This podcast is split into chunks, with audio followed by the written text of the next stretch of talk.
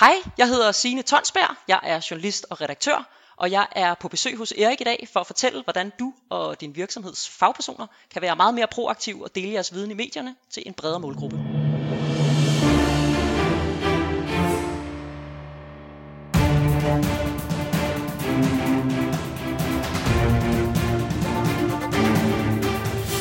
Det her er Help Marketing podcasten, lavet for dig, der arbejder med digital marketing, salg og ledelse, og som gerne vil opnå succes ved at hjælpe andre. Jeg hedder Xings, og Help Marketing producerer til min virksomhed, der hedder Nochmal. I dag er det afsnit nummer 197, og det er Signe Tonsberg, som er på besøg.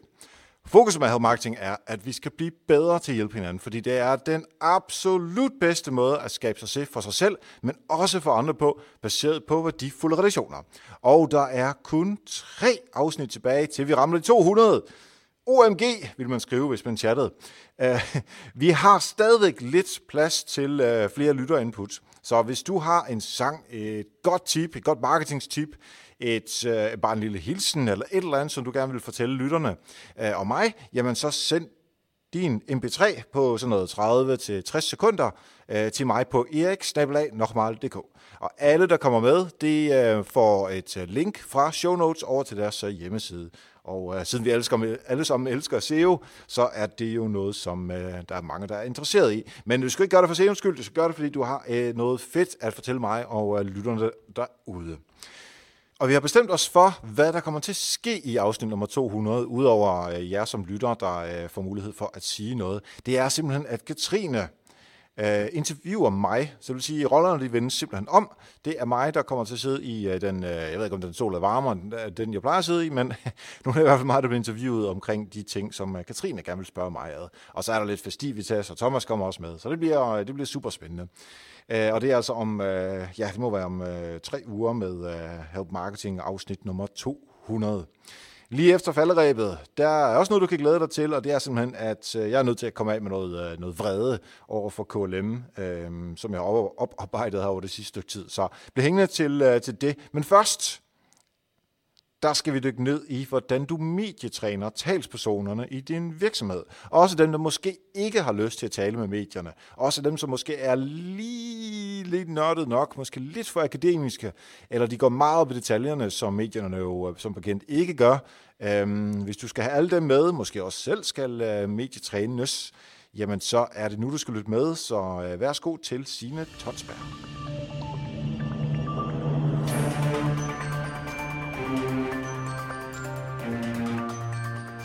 Yes, så sidder jeg her sammen med Signe Tonsberg, der er journalist og redaktør hos Tonsberg Tekst. Velkommen til dig, Signe. Tak skal du have. Og tak, fordi øh, du vil være med i dag. Det er øh, super fedt. Hvad er det, Tonsberg Tekst? Det, vi snakkede før om, det er en alliteration, men hvad er det, du laver der? Jamen altså, grundlæggende er jeg uddannet journalist, og det er det, jeg arbejder som, og redaktør. Jeg har haft den her Tonsberg Tekst i, i ni år. Øhm, og der er ligesom to ben i det et øh, skriftligt ben, hvor jeg skriver og redigerer tekster. Øh, og alle, det er lige fra journalistiske artikler til publikationer og, og rapporter. Og så øh, er der et andet ben, som er mere sådan et taleben, hvor jeg laver øh, interviewtræning, som er det, vi skal snakke om i dag, og hvor jeg også øh, underviser, laver workshops og er vært og moderator på forskellige øh, konferencer. Så føler jeg mig helt øh, udsat øh, i dag ved at øh, have eksperten inde, når det er mig, der skal stille dig spørgsmålene. Så jeg, jeg føler lidt, at jeg er på eksamensbænken her. Ja, um, du kan roligt føle, at uh, du bliver overvåget og, og vejet uh, de næste 30 minutter. Ja, det er super godt. Uh, jeg glæder mig til feedbacken bagefter. uh, men inden vi skal skal ned og tale om uh, alt det her med interviewteknik og talspersoner, så vil jeg gerne have et eksempel fra, uh, fra din verden, fra din uh, profession om uh, det her Paid Forward Help Marketing uh, tilgang. Ja, det bliver sådan helt fra min, uh, hvis vi zoomer helt ind på mit, uh, min, min hverdag i, i mit arbejdsliv, Øhm, her i starten af året gik jeg sammen med seks andre envandsvirksomheder i øh, sådan et kommunikationsfællesskab, som vi kalder Kolab. Vi har altså hver vores øh, enmandsvirksomhed, og på en eller anden måde arbejder vi alle sammen med kommunikation, men med alle mulige forskellige indgange. Altså, nogle af os er journalister og kommunikationsrådgivere, så har vi en grafisk designer, øh, en der arbejder med film og video, Øhm, så er der en, der arbejder med ledelsesudvikling og, og uddannelse inden for, for ledelse, og så er der en, der arbejder med CSR. Men, men vi har alle sammen en eller anden indgang i vores job til, til kommunikation. Og det er altså sådan et, et fagligt fællesskab, hvor vi bor sammen, vi, vi deler adresse, men sådan, udover at være et kontorfællesskab, så er det også øh, et fællesskab, hvor vi giver hinanden øh, sparring. Og øhm, der var jeg for nylig øh, ude for, at jeg, som jeg sagde indledningsvis, så får jeg flere og flere værts- og moderatoropgaver, og der har jeg simpelthen brugt de her øh, seks skarpe kollegaer, øh, kan man vel kalde dem, til at spille bold op af. Altså jeg, øh, vi har møde hver 14. dag, to timer, hvor at det ikke bare er sådan noget praktisk gris, men altså hvor vi virkelig kommer i dybden også øh, med udvikling. Og der øh, har jeg blandt andet fået, fået sparring øh, for de her mennesker øh, til, hvordan er man en god vært øh, og moderator. Jeg er blevet fodret med alt fra links til helt konkrete do's and don'ts fra, fra nogle af de af mine kollegaer, der har prøvet det selv. Øhm, og hvis jeg skulle have været ude og betale mig fra det her, så ville det for det første have kostet mig sindssygt mange research timer, mm. øh, men det ville også have kostet mig rigtig mange øh, kroner og øre ja. og, og købe mig til den slags rådgivning. Og det er jo sådan, det er meget øh, gavmildt fællesskab på den måde, kan man sige. Og det er jo fedt, at de på en eller anden måde har fået det struktureret. Altså der er det der, at vi kan drikke en kop kaffe og alt muligt, og så kan man ikke lige, fordi der er vigtige ting. Men altså når I nu bor sammen, og der er struktur over det, og kan hjælpe hinanden i hverdagen, det, øh, det, det, det er i hvert fald en meget struktureret måde at, øh, at hjælpe hinanden på og man skal simpelthen strukturere det, fordi at, at når man bor sammen, altså man bliver nødt til at sætte det på, på skinner, fordi ellers så kommer det jo til at handle om sådan, åh, skal vi ikke købe en mælkekande, og hov, øh, det der gulvtæppe er også lidt løst derovre, og sådan noget, hvad med garderoben? Altså så vi holder simpelthen, øh, vi, har, vi holder møder efter sådan en helt fast øh, struktur, øh, så vi sikrer os, at vi kommer i dybden med tingene. Ja, Super historie. Det kan jeg i hvert fald, hvis der er flere derude, som er øh, enmands herre, så øh, find endelig nogen at arbejde sammen med. Det øh, lyder rigtig fornuftigt, det der. Vi skal over og snakke om uh, talspersoner, interviewteknikker og uh, hvordan man uh, endda også får de nørdede uh, talspersoner, dem der måske ikke har lyst til egentlig at komme ud og snakke om, uh, hvad ellers de er kloge inden for, og måske kan være en lille smule nørdet, hvordan vi uh, også får dem ud af skabet. Um, og for lige så snak starter overordnet, så kunne jeg godt lige tænke mig at uh, få dig til at forholde til uh, den type omtale, man kan få. Altså det er resultatet af alt det arbejde, vi skal snakke om nu. Ja, altså grundlæggende kan man sige, øh, hvis vi sådan øh, tænker lidt boksagtigt, at der er øh, fire forskellige slags omtale i medierne. Det er meget firkantet sagt, men altså. Mm. Øh, den første øh, kalder man tomgangs omtale, det er, at ens virksomhedsnavn bliver nævnt, men uden noget særligt indhold. Altså når der for eksempel står i, øh, i business-tillægget Berlingske, store, store danske virksomheder som Novo og Lego. Man kan sige, det får de her virksomheder ikke rigtig noget ud af, andet end deres navn bliver nævnt, så måske de kommer top of mind, men ellers er der ikke rigtig noget værdi i det på den måde. Så det er den første tomgang. Så kommer der øh, servicering af den næste. Det er simpelthen, at man tipper en journalist, serverer en eller anden historie for dem, hvor man ikke nødvendigvis selv har en aktie i den eller er med i den, men, men det kan være et eller andet fra ens branche for eksempel.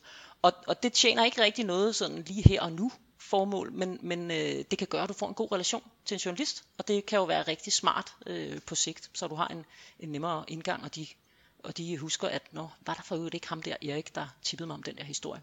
Mm. Øh, så det er nummer to. Og nummer tre, den kalder vi reaktiv. Det er øh, sådan klassisk, at en journalist arbejder med en historie, og så finder han ud af, hov, ham her, øh, eksperten, han ved noget om det, ham ringer jeg til og hører, om han ikke lige kan snakke ind i den vinkel, jeg har. Hmm. Øh, og det kan der være, øh, det kan der være smadret meget fint i, så kan man bare sidde øh, på sin dertil indrettet og vente på, at journalisten ringer. Men hvis man gerne vil sikre sig, at man kommer ud over rampen, så er det jo altså nødvendigt at være proaktiv. Og det er, øh, det er øh, kan man sige, den fjerde øh, slags omtale, der findes i medierne, det er, at du er aktiv og får selv får sat din øh, historie på dagsordenen med den vinkel, som du selv øh, synes er den, er den fedeste. Og det er jo selvfølgelig det, de fleste drømmer om, altså selv at, at sidde ved roret. Ja, og det er vel øh, den tredje, hvor der øh, kunne, altså, hvor der oftest opske, opstår noget, øh, noget negativt fordi ja. de sidder og researcher og så videre, så videre, og så lige pludselig finder ud af, og oh, ham der eller hende der, der var et eller andet galt med den virksomhed, dem skal være færdige i kontant med dem, eller noget tilsvarende. Det kan der godt, ja. Men samtidig vil jeg også sige, altså når jeg træner akademikere, øh, så, så snakker vi jo også rigtig meget om, at jamen, det, at en journalist ringer med en eller anden vinkel, det kan jo også være en invitation til at sige, spændende, men faktisk, øh, hvis du spørger mig, så ligger historien et helt andet sted. Og der er man altså som journalist ikke altid fastlåst på sin historie, så måske øh, kan en, en reaktiv øh, tilgang lige pludselig blive til en, til en proaktiv, hvis man selv formår at sætte dagsordenen, også som ekspert. Ja. Og jeg er glad for, at du allerede glider lidt af på den her, fordi jeg vil nemlig ikke snakke om alle de negative historier. Fordi Nej. der er altid krisekommunikation og bla bla bla, og shitstorms, og folk er jo så bange for det. Og det, er sådan et, det, altså, det sker så let. Uh, det, altså, risikoen er så lille, så lad os nu være med at uh, fokusere på det. Vi har lavet afsnit om det i Help Marketing, så det kan man lytte på. Men nu vil vi fokusere på uh, det konstruktive, det er mulighederne uh, i det her. Og der kunne jeg egentlig godt tænke mig, at uh, nu har du de her fire uh, typer af omtale. Ja. Hvad findes der af interviews derude, uh, som, som man kan deltage i? Jamen grundlæggende så findes der jo lige så mange øh, interviews, som der findes mennesker og, og interviewer. Men altså, i journalistikken, som jo er mit, min øh, indgangsvinkel til, til interviewet. Der findes jo også interviews øh, i altså marketing øh, er, bruger vi også interviews som et redskab, mm. og det gør forskere også. Men altså i journalistikken, der skænder vi mellem øh, tre slags interviews grundlæggende. Ekspertinterviewet, erfaringsinterviewet og partsinterviewet. Og det giver måske mening, at jeg lige sætter lidt flere ord på lidt. de her tre typer. Ikke? Øhm, som man ligesom kan høre, så i ekspertinterviewet, så er det sjovt nok en kilde, som er ekspert. Det vil sige et menneske, som har en viden om et emne, en stor viden, helst større end, end øh, lytterne og, og seerne og, og dem, der læser med.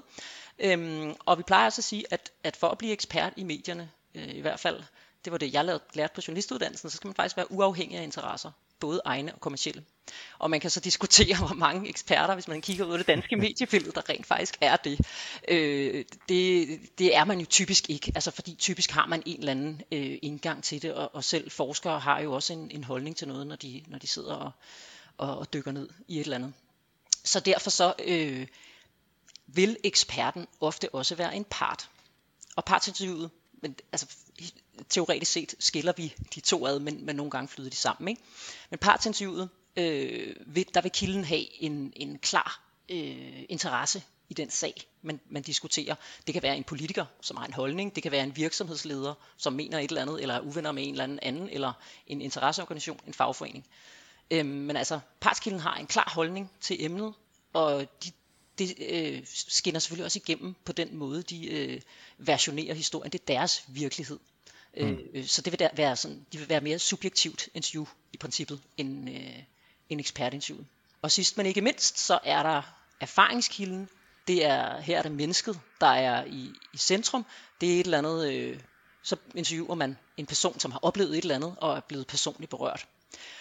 Og i virkeligheden, øh, hvis jeg nu interviewede dig, om formiddagen, om, lad os sige, jeg skulle interviewe, lave en artikel om, hvordan det var at øh, komme i gang med at lave sin egen podcast, hvordan man gjorde det. Så kunne jeg ringe mm. til dig, for det har du rigtig meget erfaring med, ikke? Vi kører på nummer 100, øh, et eller andet, næsten 200. Næsten 200, ja. Ja, så du, der vil jeg sige, det kunne du godt være ekspert i. Mm. Øhm, hvis, jeg så lige plus, hvis du så lige pludselig undervejs i det interview begynder at række en eller anden konkurrerende podcast ned, så kan man sige, mm. så, så træder du ud af ekspertrollen og ind i partsrollen, jamen så, øh, så har du pludselig en, en, en mere subjektiv, involveret tilgang til tingene, ikke? Åh, oh, ham i Potter der, med hans lige, Potter-kort. Ja, lige præcis. og så kunne jeg jo øh, om eftermiddagen kunne jeg ringe dig op og sige, ved du hvad, jeg har simpelthen øh, brug for at høre, hvordan det er at være mand og arbejde med digitale medier. Hvad, hvordan, hvordan føles det, og med arbejdsmiljøet, og hvordan har du det og sådan noget. Så vil du lige pludselig være en erfaringskilde, fordi jeg vil spørge ind til øh, alt det, du, øh, du selv øh, oplevede. Så i princippet kan, kan en person have mange kilderoller, alt afhængig af, af interviewets beskaffenhed. Ja, lad os nu sige, at uh, bare tage mig som eksempel igen, uh, og der kan lytterne jo bare sætte sig selv ind i, uh, ja. i stedet, i stedet for, hvor produktet er podcasting, og så, um, så kan man være ekspert på, på området. Uh, men kunne jeg i samme interview indgå som ekspert, altså på hvordan man podcaster osv., og så også være øh, sådan erfaring med, åh, det er så svært at få øh, podcasten til at øh, fungere, eller det går super godt, eller der er rigtig mange flere, og jeg har hørt det her fra lytterne osv. osv. Så man ligesom er, er, er to forskellige. Kan man det? Det kan man jo sådan set godt, men for ikke at forvirre nogen, øh, så skal enten du eller journalisten deklarere det. Hmm. Det vil jeg gøre undervejs. At sige, nu, nu spørger jeg konkret ind til din personlige holdning her, eller din helt private erfaring med det her. Altså så man ligesom markerer undervejs i interviewet, nu træder vi ud af den der rolle. Men det vil jo ikke være alle journalister, der gør det. Du vil også kunne finde interviews, hvor at man sovser rundt øh, imellem de her forskellige roller. Øhm, ja. Og det er jo heller ikke fordi, at når så er man dumpet, fordi så var man lidt ekspert, og så blev man lige pludselig lidt part. Øhm, ja. Og det er jo under alle omstændigheder ikke dit, dit ansvar som, som kilde, men, men det er jo rart at, at vide, inden man forbereder sig til et interview, Nå, men hvad er det egentlig for en rolle, jeg spiller? Hvad er det, hvad er det der bliver øh, ventet af mig?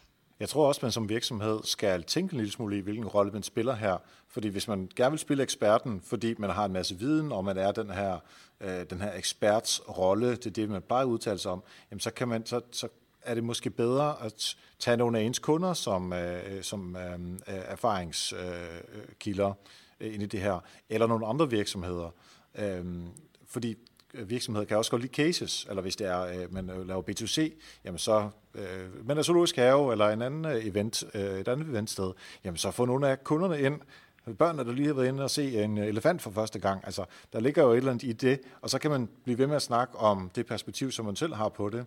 Så jeg, jeg, altså, jeg siger ikke, at, at man ikke kan det her, men jeg tror, man skal passe lidt på med at prøve at være både det ene og det andet. Journalister elsker cases. Hmm. Så i stedet for selv at, at træde ind som part, øh, eller erfaringskilde, øh, jamen så henvis dem til nogle andre. Det er jeg fuldstændig enig med dig i. Altså, ja. og, og det ved alle, der arbejder med presse, at hvis man har en god case, så er man rigtig godt hjulpet, i hvert fald meget bedre hjulpet, end hvis man bare har to citater i en pressemeddelelse. Ja, præcis. Godt. Så nu har vi nogenlunde styr på uh, forskellen på at være ekspert, erfaring og, uh, at være part i det her. Um, hvad skal man tænke på, inden man overhovedet bliver interviewet, og man, man nu ved man, at man bliver interviewet, eller man har tænkt sig at pitche det ind. Hvad skal man gøre sig af, af overvejelser inden? Altså grundlæggende fire ting, plejer jeg at sige. For det første skal du være meget opmærksom på, hvad er vinklen, altså journalistens idé. Og der kommer det jo lidt an på, er det her en historie, der er født i journalistens øh, hjernes krænkelkroge, eller er det en, som I har pushet ind som, øh, som virksomhed eller organisation? Fordi når man bliver interviewet, så bliver man aldrig interviewet bare sådan om et eller andet fuldstændig løsligt. De fleste dygtige journalister vil i hvert fald have et eller andet fokus. Og der kan, det jo, der kan man jo med fordel, når man sidder på den anden side af bordet, øh, overveje, hvordan gavner det egentlig min forretning at blive interviewet om det her emne. Altså, så, og hvad for en vinkel vil være, være gavnlig for mig. Så det vil jeg klart anbefale, at man overvejer vinklen. Mm-hmm. For det andet, så skal man jo kigge på, hvad for et medie er det, jeg bliver interviewet til. Helt lavpraktisk. Er det radio? Er det tv? Er det en avis? Er det web? Og er det, er det til baggrund, eller er det citat til citat? Og der øh, har de fleste jo en eller anden kommunikationsafdeling, eller samarbejder med, med nogle øh, kommunikationspersoner, som kunne have alle mulige holdninger til, hvad for nogle medier det var smart at blive, øh, blive øh, interviewet til, og hvad for nogle det ikke var smart at blive promoveret i. Men altså, når, når man nu er i gang øhm, så, skal man, så skal man selvfølgelig være bevidst om, okay, er det et ultrakort tv-interview, jeg forbereder mig til, eller er det et langt baggrundsinterview med, med en eller anden journalist på Jyllandsposten for eksempel. Fordi det, der er jo kæmpe forskel på det, om du skal levere dit budskab øh, på to sekunder, eller 12 sekunder, som, som det måske vil være, hvis du skal i radiovisen, og, mm. øh, eller hvis du skal i TV2 News, og øh, skal sidde og træde vand i et eller andet flade i 15 minutter. Der er rigtig stor forskel på, hvor meget ja. øh, lommeuld du skal have med. Ikke? Ja. Øh, så det var mediet. Øh, så er der selvfølgelig målgruppen. Tænk lidt frem. De fleste mennesker, der arbejder med salg og marketing og også ledelse, de smadrer vant til at tænke i målgrupper og skarpe til det også. Øh, og det gælder det samme gælder her. Man kan med fordel slå sin øh, målgruppetankegang lidt til. Skal man i ultranyt og forklare et eller andet for 8 til 12-årige børn, så er det noget lidt andet end, øh, end hvis du skal i, i øh, børsen for eksempel. Så, så øh, tænk i målgruppen, inden du går i gang. Der er ikke bare sådan en, der er ikke bare sådan en, et interview, en måde at, at gøre det på. Ja. Og det, altså de fleste lyttere, de ved jo uh, rigtig mange af de her ting omkring målgrupper, fordi det er jo uh, trods alt nogle dygtige folk, der arbejder med kommunikation og marketing. Det er det, jeg mener. De um, ved øhm. sikkert mere om det, end jeg gør. Men jeg tror nemlig også, man skal tænke lidt i, at øhm, Øh, selvfølgelig er der væsentlig forskel på børsen og så øh, et, et, et medie til, øh, til børn, men man også tænke i, hvad er det for nogle målgrupper, som jeg som virksomhed normalvis er interesseret i? Lige præcis. Og, og hvad læser de, og ser de, og hører de? Ja.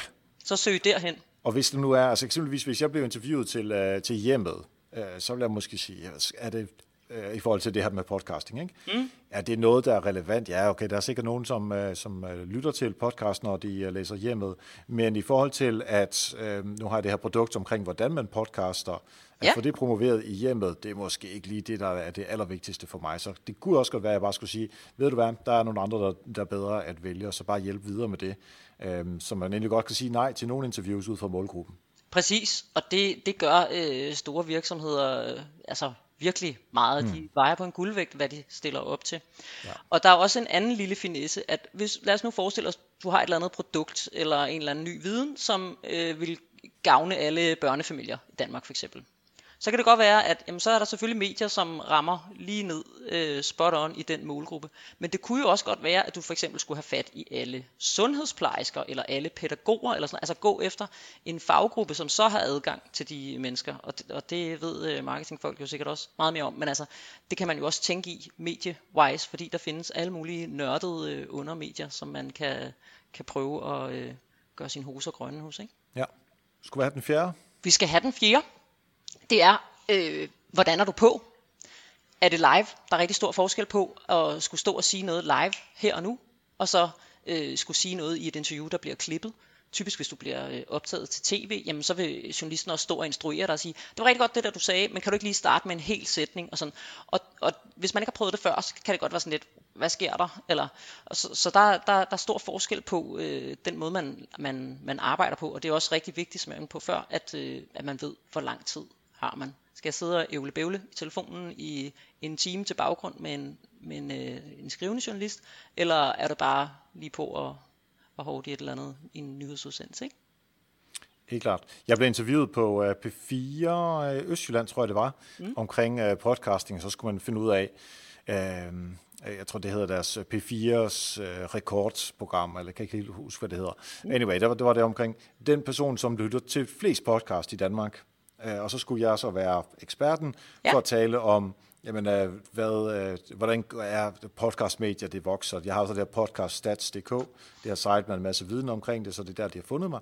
Ja. Øhm, og øhm, der var det, altså, så havde vi så ringede han op og spurgte, har du lyst til at være med? Ja, og så snakker vi, jeg tror 20 minutter, for han synes også selv, det var interessant, han arbejdede hos DR ja.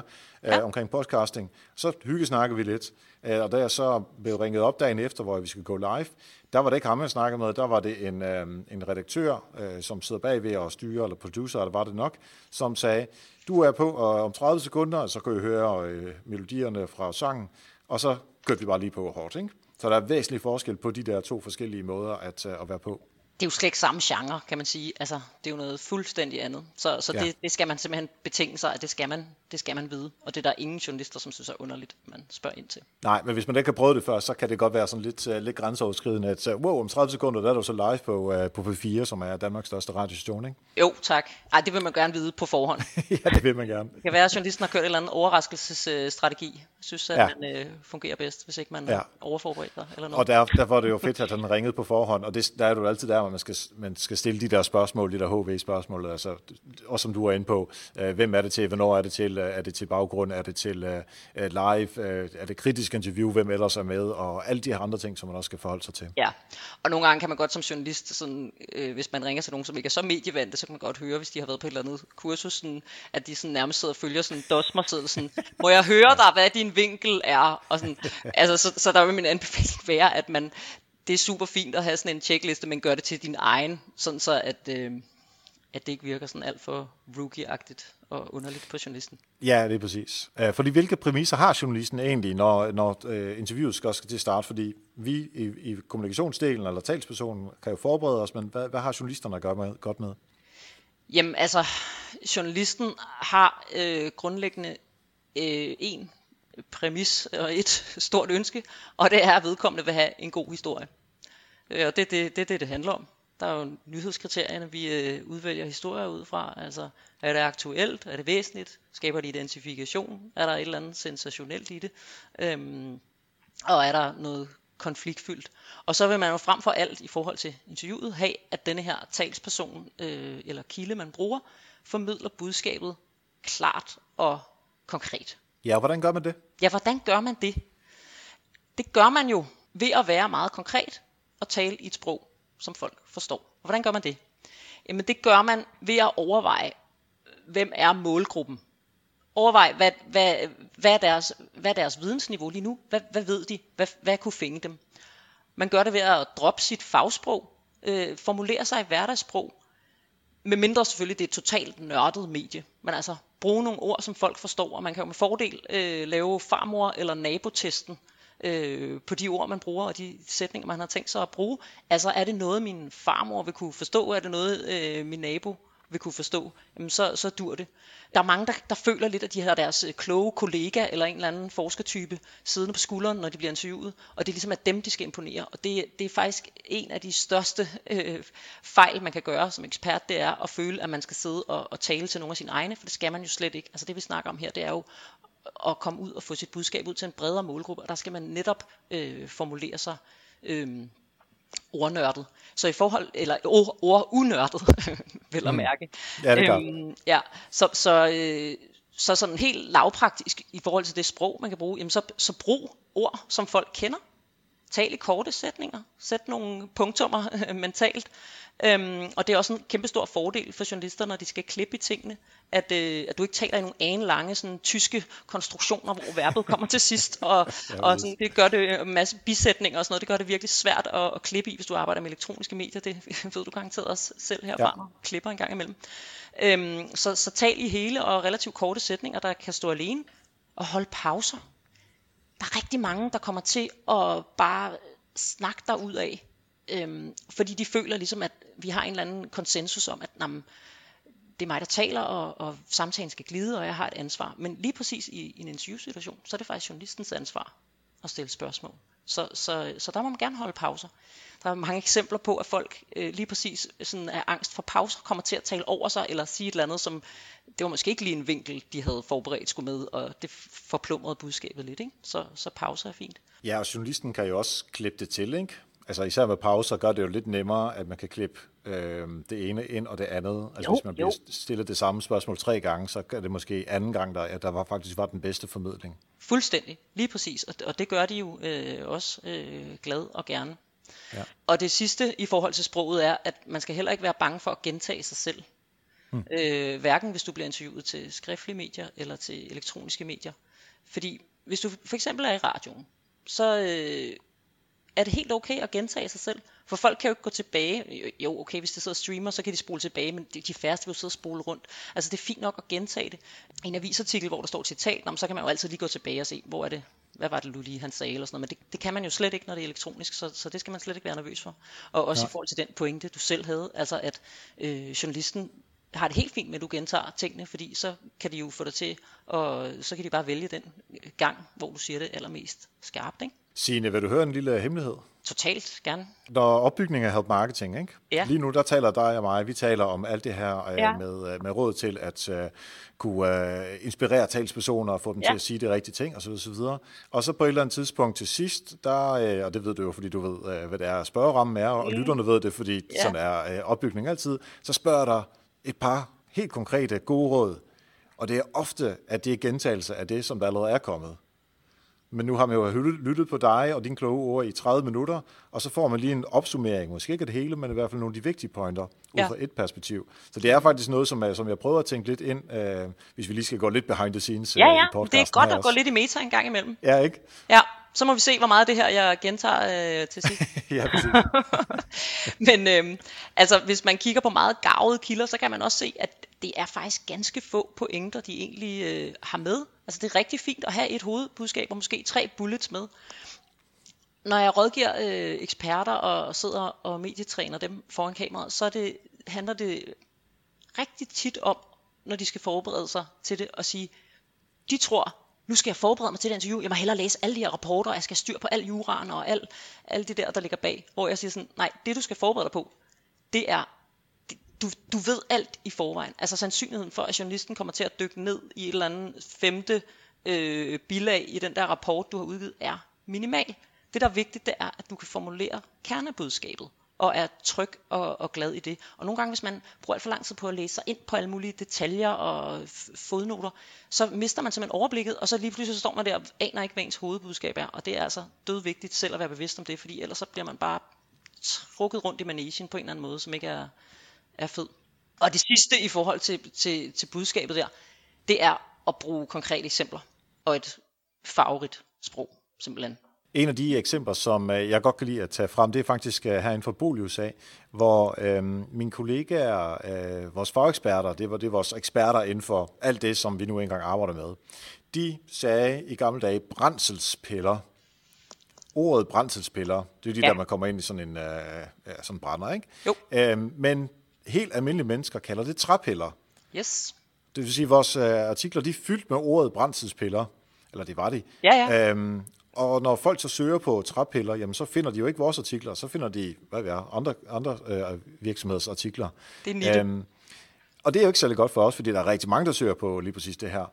Øhm, og det er, jo, det er jo samme princip her, fordi vi, vi tager den, sådan, den tekniske, rigtige, akademiske, korrekte term, i stedet for at bruge det, som der nu engang uh, bruges af folk. Og der kan man godt sige, jamen i dag, der skal jeg tale om brændselspiller. Det er faktisk også kendt som træpiller derude. Og så kan man jo bare bruge træpiller resten af vejen. Lige præcis. Men, men, men vi skal bare ikke være blinde for, at, at, at det er jo ligesom at, at skære en finger af for en ekspert ja. øh, og bruge et ord, som de ikke synes er dækkende. Altså især hvis det er en, øh, en jurist eller en, som er dybt inde i et eller andet øh, fagfelt, en ingeniør, øh, de holder også den faglige fan virkelig højt, og det er jo super. Det er jo derfor, at de, øh, de bliver dygtige, og de har et fagsprog, og det er mega præcist og sådan noget. Men, men øh, min anbefaling er altså, at man slækker en lille smule på det, når man skal for, formidle til en bredere målgruppe, fordi ellers taber du dem. Men hvordan får man så folk talspersoner? Fordi altså, du og jeg, vi, selvfølgelig er vi nørdet inden for kommunikations- og marketingsfaget ja. øh, og journalistikken, mm. men, og, men vi ved jo det her, men mennesker, som måske ikke arbejder med, med det her med medier til dagligt, hvordan får man dem overtalt til at slække en lille smule på det, som i deres øjne er det vigtigste i verden? Jamen altså, for det første så, øhm, der var en af mine kloge kollegaer, Ditte Elmys, der sad i på et tidspunkt, at et af de bedste argumenter for at øh, optræde i medierne, jamen det er, at hvis du ikke gør det, så er der jo en eller anden anden idiot, der gør det. ja, okay. Ikke? Altså, øh, og, og det, det kan tit være en meget fin øh, overvejelse lige at tænke sådan, jamen det kan da godt være, at, at jeg virkelig skal træde meget ud af min comfort zone for at, at gøre det her, og jeg har meget mere lyst til at bare sidde og skrive videre på den her rapport. Men altså, hvad er alternativet? Hvem, hvem af mine kollegaer vil jeg ellers øh, se stå der, eller hvem af mine konkurrenter vil jeg ellers se stå der? Ja, den, øh, den rammer i hvert fald den der sådan indre konkurrencegen, øh, og også i forhold til, at man gerne vil have sandheden derude, at man så er nødt til at formidle sandheden, måske ikke helt så detaljeret, som man gerne ville, men alligevel så kommer den derud, i stedet for den anden version af sandheden, som man måske ikke er helt overbevist om selv er den rigtige. Ja, ja, lige præcis. Så det er jo... Øh for de fleste er magt jo også øh, en lille smule interessant, hvad enten mm. det, øh, det kan jo også være en faglig magt, øhm, og, og ved at komme ud i offentligheden og i medierne, jamen så tager man jo også tæten på nogle ting, og er måske med til at sætte nogle ting på dagsordenen, eller ændre nogle faglige, øh, faglige debatter eller måder at, at se tingene på. Hvad med, altså en talsperson skal selvfølgelig kunne finde ud af at formidle sine budskaber, som du siger, meget øh, øh uden detaljer, men sådan overordnet set, men tilstrækkeligt godt. Ja. Men hvad skal vel, øh, for at journalisten ringer tilbage bagefter og siger, åh, oh, det var sgu skide godt, øh, jeg vil gerne interviewe dig til en ny artikel, måske lige dagen efter, men måske tre uger senere. Hvad er det, hvordan kan man imponere en journalist? Altså, hvad, skal, hvad, hvad gør en god talsperson fra journalistens perspektiv? Altså, for at de ligesom, for en kilde skal passe ind i min skabelon, jeg er ikke 100% sikker på, at det er det, du spørger om, men, men, øh, men, men nu får du lige det, jeg tror.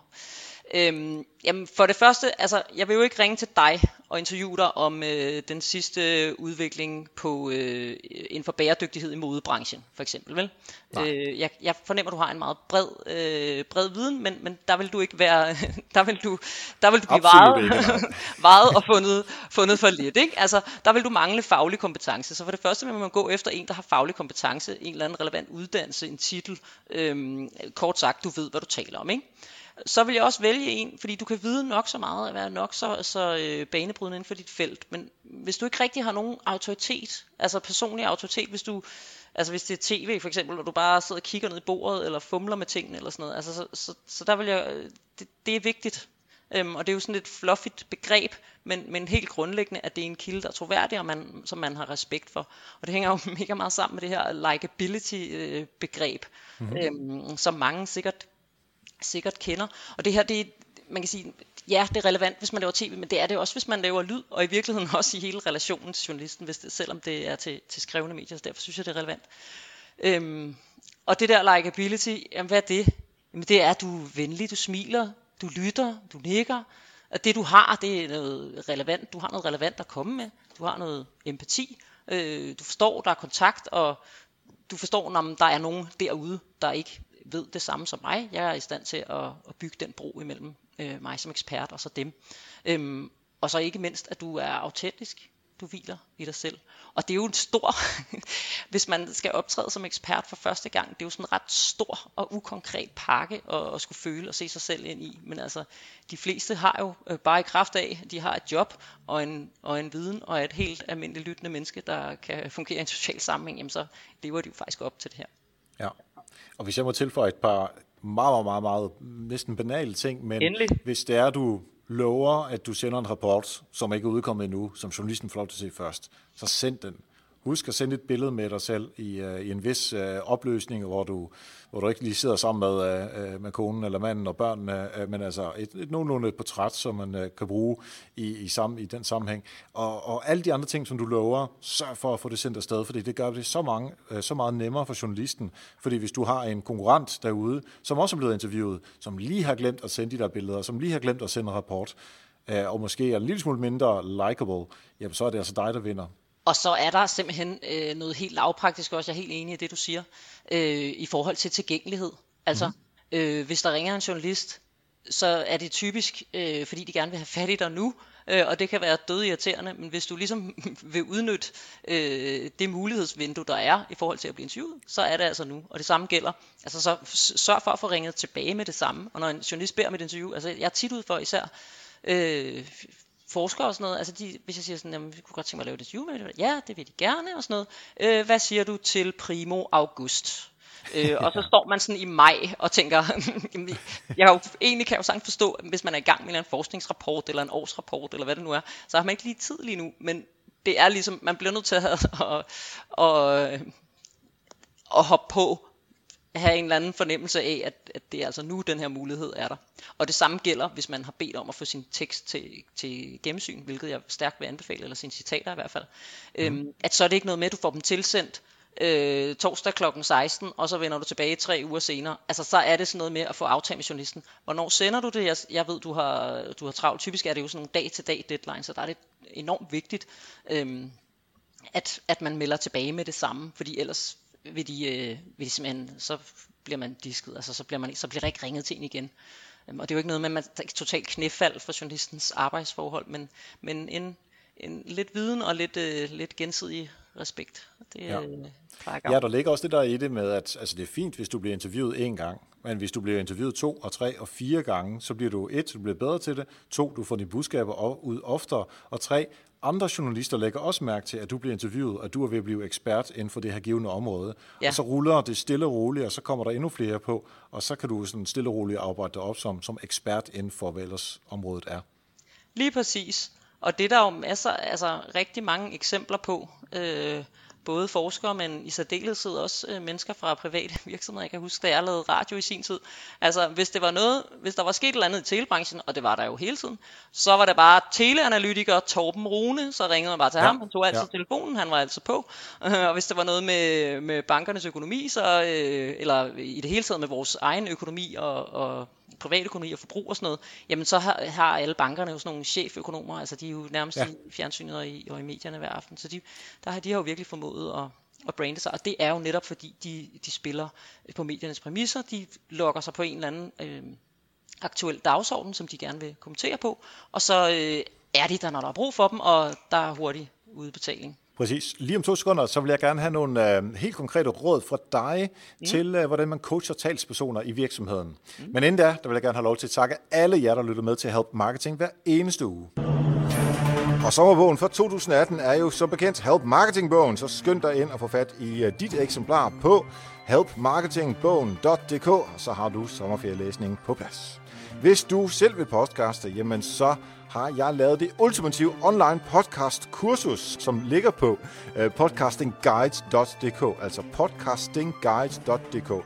Der finder du Help Marketing Podcasting Guiden, og det er altså den hjælper dig fra A til Å inden for podcasting. Men hvis du er sådan en, der heller vil på øh, et rigtigt kursus om podcasting, så kan jeg faktisk også hjælpe dig der, fordi jeg er gået sammen med K-Forum om at lave et heldagskursus i podcasting. Og det bliver øh, den 8. november 2018, og du kan melde dig til på øh, kforum.dk, og hvis du så kigger under kurser, så kan du finde kurset om øh, podcasting. Det bliver fedt at se dig der, og ellers er der online-kurset, og ellers er der Help Marketing på. Signe Tonsberg, jeg vil meget gerne høre et par helt konkrete råd for dig til, hvordan man coacher talspersoner i virksomheder. Du får tre styks. Ja tak. For det første er det rigtig vigtigt, at man finder sit hovedbudskab og får skåret ind til benet. Altså i samarbejde med den her ekspert. Hvad er det hovedbudskabet er? Måske de tre vigtigste pointer. Og her skal man lige løfte sig lidt op over sit stof som øh, ekspert og øh, være lidt modtagerorienteret, og altså ikke fortælle det, som man selv har lyst til at fortælle, øhm, som promoverer ens virksomhed, men tænk i, hvad er det, der skaber værdi for modtagerne? Hvad er det, de har brug for at vide? Så det er råd nummer et. Mm-hmm.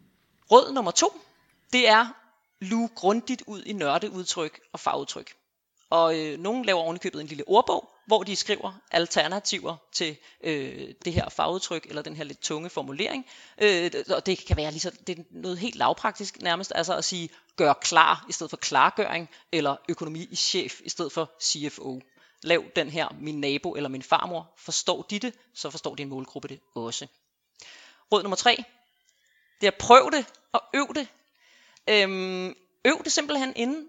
I dag har vi jo alle sammen smartphones. Optag dig selv, få en kollega til lige at optage dig. Man kan få sådan nogle øh, små aggregater til at holde en mobiltelefon, hvis man vil steppe lidt, lidt op på udstyrssiden, og man kan købe mm. en lille knaphulsmikrofon. Alt sammen kan du få for under en tusse. Det kan man jo øh, med fordel øh, investere i virksomheden, sådan så man får det, øh, man får det prøvet igennem. Fordi det, det er faktisk, altså min erfaring, det er det, der virker, det er at prøve det foran et kamera. Og det er lidt pinefuldt at kigge på de første par gange, Øhm, men det er altså det, der gør en bedre til det. Det er bedre det pinefuldt, når man kigger på det alene, end når hele Danmark kigger med på TV-avisen. Lige præcis. Fedt. Hvad der ikke er pinefuldt, det er at øh, skulle snakke med dig, og det har jeg øh, haft en stor glæde af. Hvis der lytter derude, som også gerne vil øh, i kontakt med dig, hvor skal de øh, finde dig hen? Jamen, så synes jeg, at de skal finde mig på LinkedIn, simpelthen, og hook ja. op med mig der. Meget gerne. Og jeg hedder Signe Tonsberg. Yes, vi lægger et uh, link ind i show notes. Um, og din hjemmeside, hvad er den der? Den hedder tonsbergtekst.dk. Storartet. Signe, rigtig mange tak, fordi du gjorde os klogere på, hvordan man uh, virkelig får noget ud af, af interviewmulighederne som talsperson. Selv tak. Mange tak til Signe Tonsberg, og nu er det altså din tur til at sparke i gang i jeres talspersoner, og måske endda spark lidt gang i dig selv.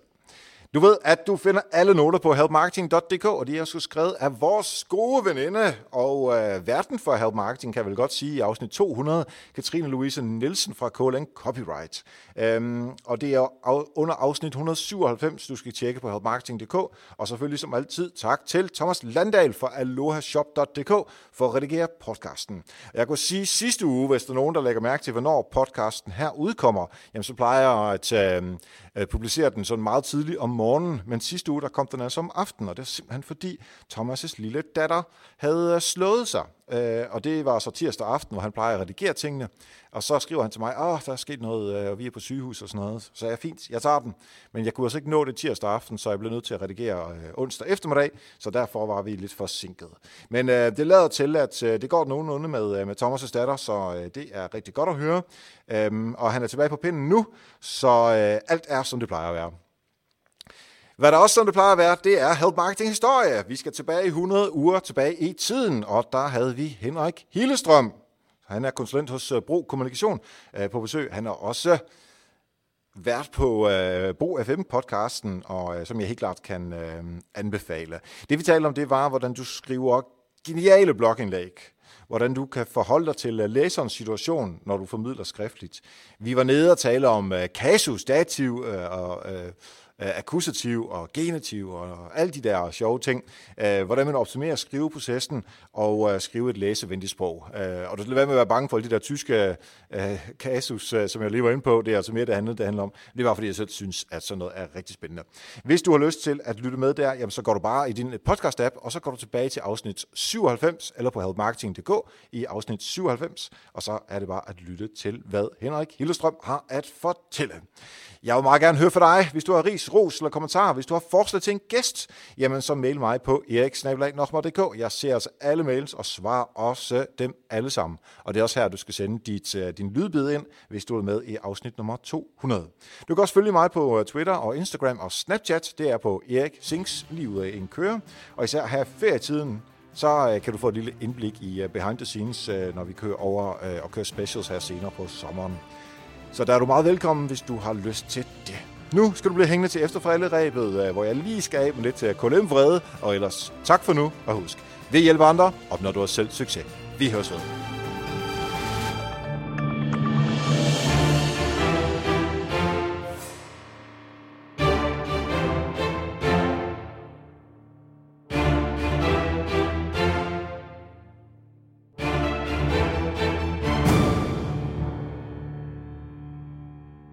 Og her i Efter falderæbet, der er jeg nødt til lige at fortælle en lille historie om, øh, hvordan jeg øh, følte, at jeg blev for, øh, behandlet af KLM. Øh, og det er lidt, øh, altså hvis vi arbejder med kundeservice og øh, loyalitet og sådan noget, så er det faktisk øh, ganske interessant. Men nu prøver jeg ikke at sætte det i en eller anden smart øh, marketingskontekst. Jeg har, jeg tænker, det er min podcast, så skal jeg også have lov til at komme af med min vrede. Øh, og nu skal du høre historien jeg ville gerne til Holland i Amsterdam. Øh, øh, det var jeg faktisk øh, ja, halvanden uge siden, fra fredag eftermiddag til, til søndag eftermiddag. Lige en lille smuttur til hjemlandet, som, som det er for mig. Og ja, det tænker jeg, det vil være super hyggeligt. Så jeg bestiller en rejse på klm.dk fredag eftermiddag til søndag eftermiddag. Den koster 1317 kroner, den her tur, og det er jo fint, så det betaler jeg. Og jeg tror, det gjorde det en gang i, uh, lad os sige, øh, uh, sidste april. Uh, og nu er vi uh, uh, sådan i starten af juni. Så uh, det hele kører, som det skal, og så får jeg en mail på et tidspunkt fra KLM, som siger, Halløj, der er noget galt med betalingen for din uh, tur til Amsterdam. Nå, for søren, tænker jeg, så må jeg hellere ringe ind til dem, som der står i mailen. Ring til os, så finder vi ud af det. Fint, så ringer jeg ind til dem. Uh, og så taler jeg med en, øh, en dame fra KLM, som siger, jamen, uh, der er gået noget ged i betalingen, uh, og det betyder, at din rejse den er inaktiv, eller jeg kunne i hvert fald ikke komme på den. Så siger jeg, jamen, kan jeg ikke bare betale den nu så?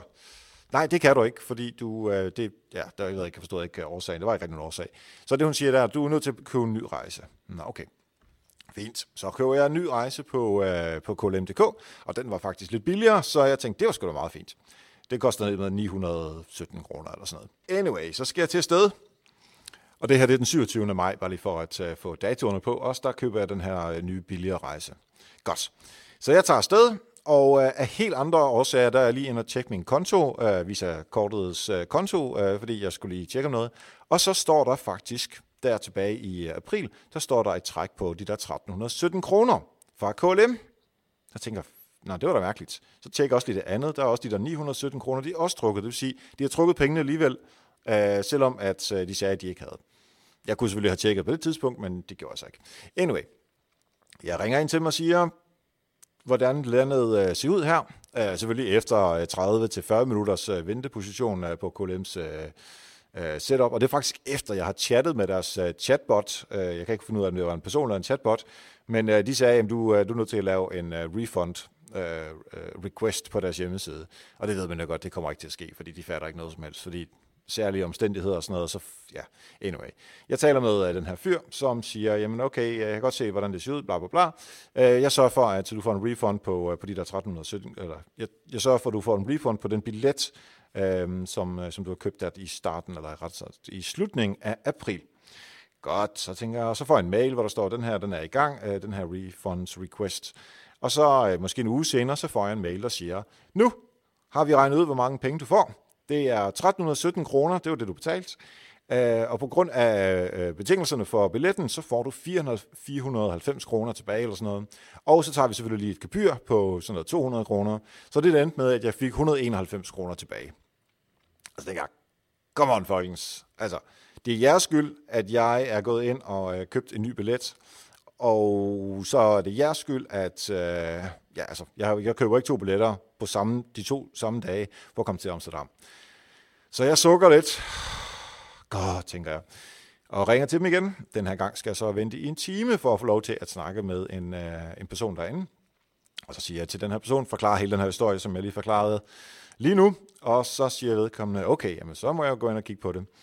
Og så siger han, ja, okay, jeg kan godt se, hvordan tingene ser ud, og øh, bla bla bla, jamen, så må vi jo lave en refund request til dig. Så siger jeg, ja, det må du heller, men er du ikke sød lige at sende mig en mail på, at differencen fra 1317 ned til 191 kroner, det er ligesom det, jeg skal tilbage, for ellers skal begynde de at lægge øh, mærkelige gebyr på igen, og altså det bliver bare misforstået, ligesom sidste gang. Og det vil han ikke, fordi han må, det er ikke ham, der regner beløbet ud, så siger han, det kan jeg gøre for dig. 1317 minus 191, det giver et eller andet beløb, nu kan jeg ikke huske, hvad det lige var. Øh, så siger han, det kan jeg ikke, øh, det er altså ikke mit ansvar. Jamen siger jeg, kan du så ikke bare sende mig en mail, hvor I, der står, hvad det er, vi har aftalt? Nej, det kan jeg ikke. Jeg kan kun sende dig den her system, systemmail, hvor I der står et eller andet nummer, som øh, betyder det, som vi har aftalt. Så siger, det kan jeg jo ikke bruge til noget. Jeg ved ikke, hvad jeres nummer betyder. Øh, og så kommer han med en undskyldning om, at nej, men jeg må ikke sende dig en personlig mail, øh, på grund af de nye datalove øh, i, i, i EU, og siger, ah, come on, du skal eddermame ikke bruge GDPR på mig. Uh, nu, vi har jo et afsnit om GDPR i Help Marketing, så jeg er nogenlunde med for, hvad det betyder. Så den trækker han hurtigt i land med igen.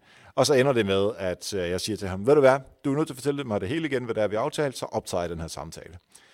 Uh, og det var han så med på. Altså, jeg, kan godt, jeg ved ikke, hvordan man optager en samtale på iPhone, det ved jeg, på, altså når den er i gang. Så jeg sagde det bare for at få ham til at sige det en gang til. Um, anyway, han siger det hele en gang til, um, og det var egentlig ikke nogen særlig behagelig samtale, um, men det var noget værre juks. Uh, og nu har jeg så fået mailen uh, om, at den er i gang, og her i, uh, i går der fik jeg så mailen om, at nu får jeg det rigtige beløb tilbage. Men at jeg skal bruge en time plus noget tid med en... Uh, det var ikke, fordi han var ubehøvlet eller noget, men det var bare, han var meget... Uh, altså, og det er jo egentlig ikke hans skyld, ham jeg sådan talt med, fordi det er jo KLM, der har sat nogle systemer op for, at det gør det afsindigt svært for mig som øh, kunde at tale med dem. Altså en times ventetid, en halv times ventetid. Øh, man kan kun få mærkelige mails fra systemet, som ikke giver, fortæller mig noget som helst, man kun fortæller noget over fra øh, systemet internt hos KLM. Øh, ja, du kan lave en fejl som virksomhed, selvfølgelig kan man det, men altså, det er to fejl, som man laver her, og så vil man ikke gå uden for sin egen... Øh, øh, systemer her i tredje gang, hvor jeg så snakker med dem. Altså, det er jo ikke sådan, som jeg tænker, KLM, hold kæft, hvor jeg elsker jer. Nu ved jeg godt, jeg er hollænder og alt det der, og man skal elske sit øh, nationale flyselskab, ligesom vi elsker SAS her i, her i landet. Men det er bare sådan et, jeg har lyst til at sige, FUCK, dig, KLM, altså det er simpelthen, det er simpelthen for ringe. Øhm, og det er sådan et, ja, man skal selvfølgelig ikke bare have folk til at ringe ind hele tiden, fordi det er også dyrt. Men på den anden side, hvis, hvis man ikke tager sig af sine kunder, som, altså jeg flyver relativt ofte til Holland, og jeg bruger gerne KLM, fordi altså flyselskabet er jo fint nok, men når de så laver sådan noget fucking lort bagefter, jamen så, så næste gang, hvor der er et, øh, altså flyv KLM, eller SAS, eller øh, Norwegian, eller et eller andet, så vælger jeg altså en af de andre. Jeg gider ikke det her KLM, så øh, se, tag jer sammen KLM, gør det lidt bedre øh, fremadrettet, og indtil da, så er det altså ikke mange øh, rejser, jeg køber hos jer.